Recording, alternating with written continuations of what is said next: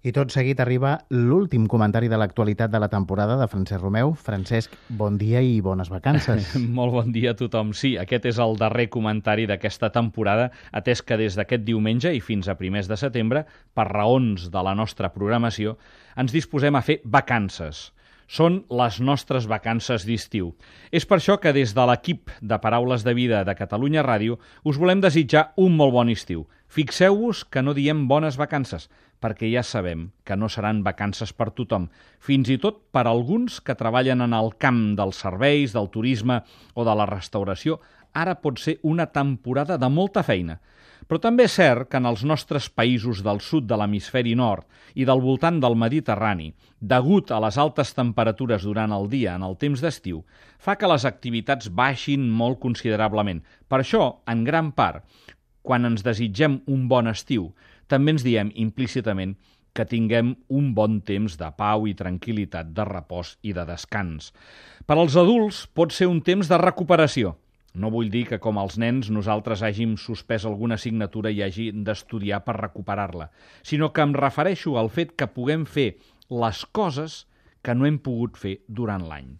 Pels pares, l'estiu pot ser un temps molt propici per poder estar més amb els fills i divertir-se i gaudir d'ells, com pels fills pot ser un temps per poder gaudir més des dels pares des del matí fins al vespre, fins i tot per poder veure els pares junts.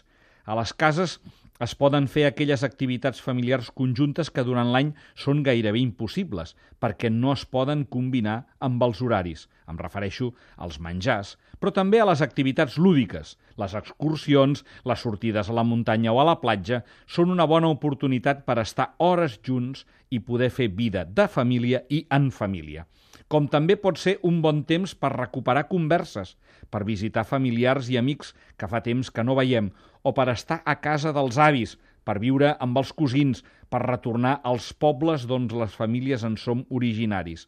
No oblidem que l'estiu pot ser un temps molt òptim per la relació personal i podem recuperar alguna relació que ha quedat distanciada, congelada o trencada.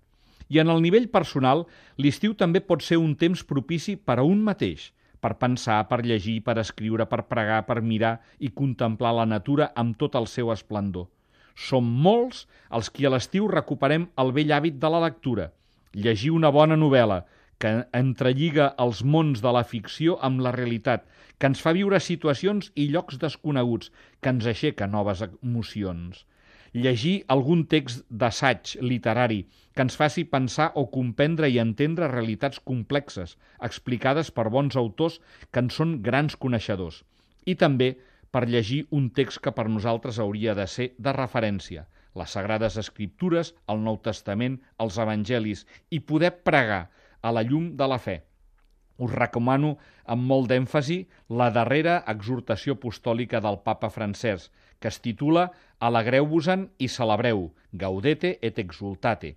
És un text molt encoratjador i molt fàcil de llegir i d'entendre, atès que el papa Francesc escriu amb un llenguatge i una lògica molt planera.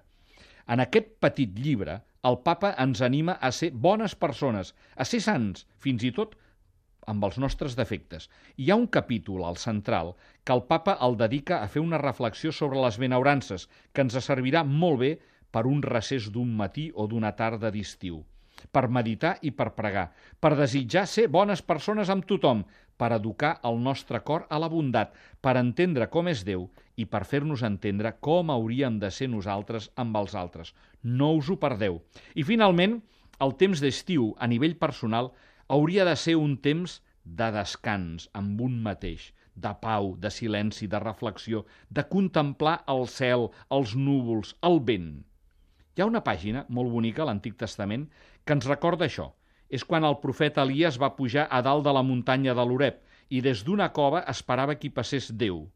Diu, el primer llibre dels Reis, que hi van passar molts fenòmens naturals a dalt d'aquesta muntanya. Primer una gran ventada, després un terratrèmol i al final un gran foc.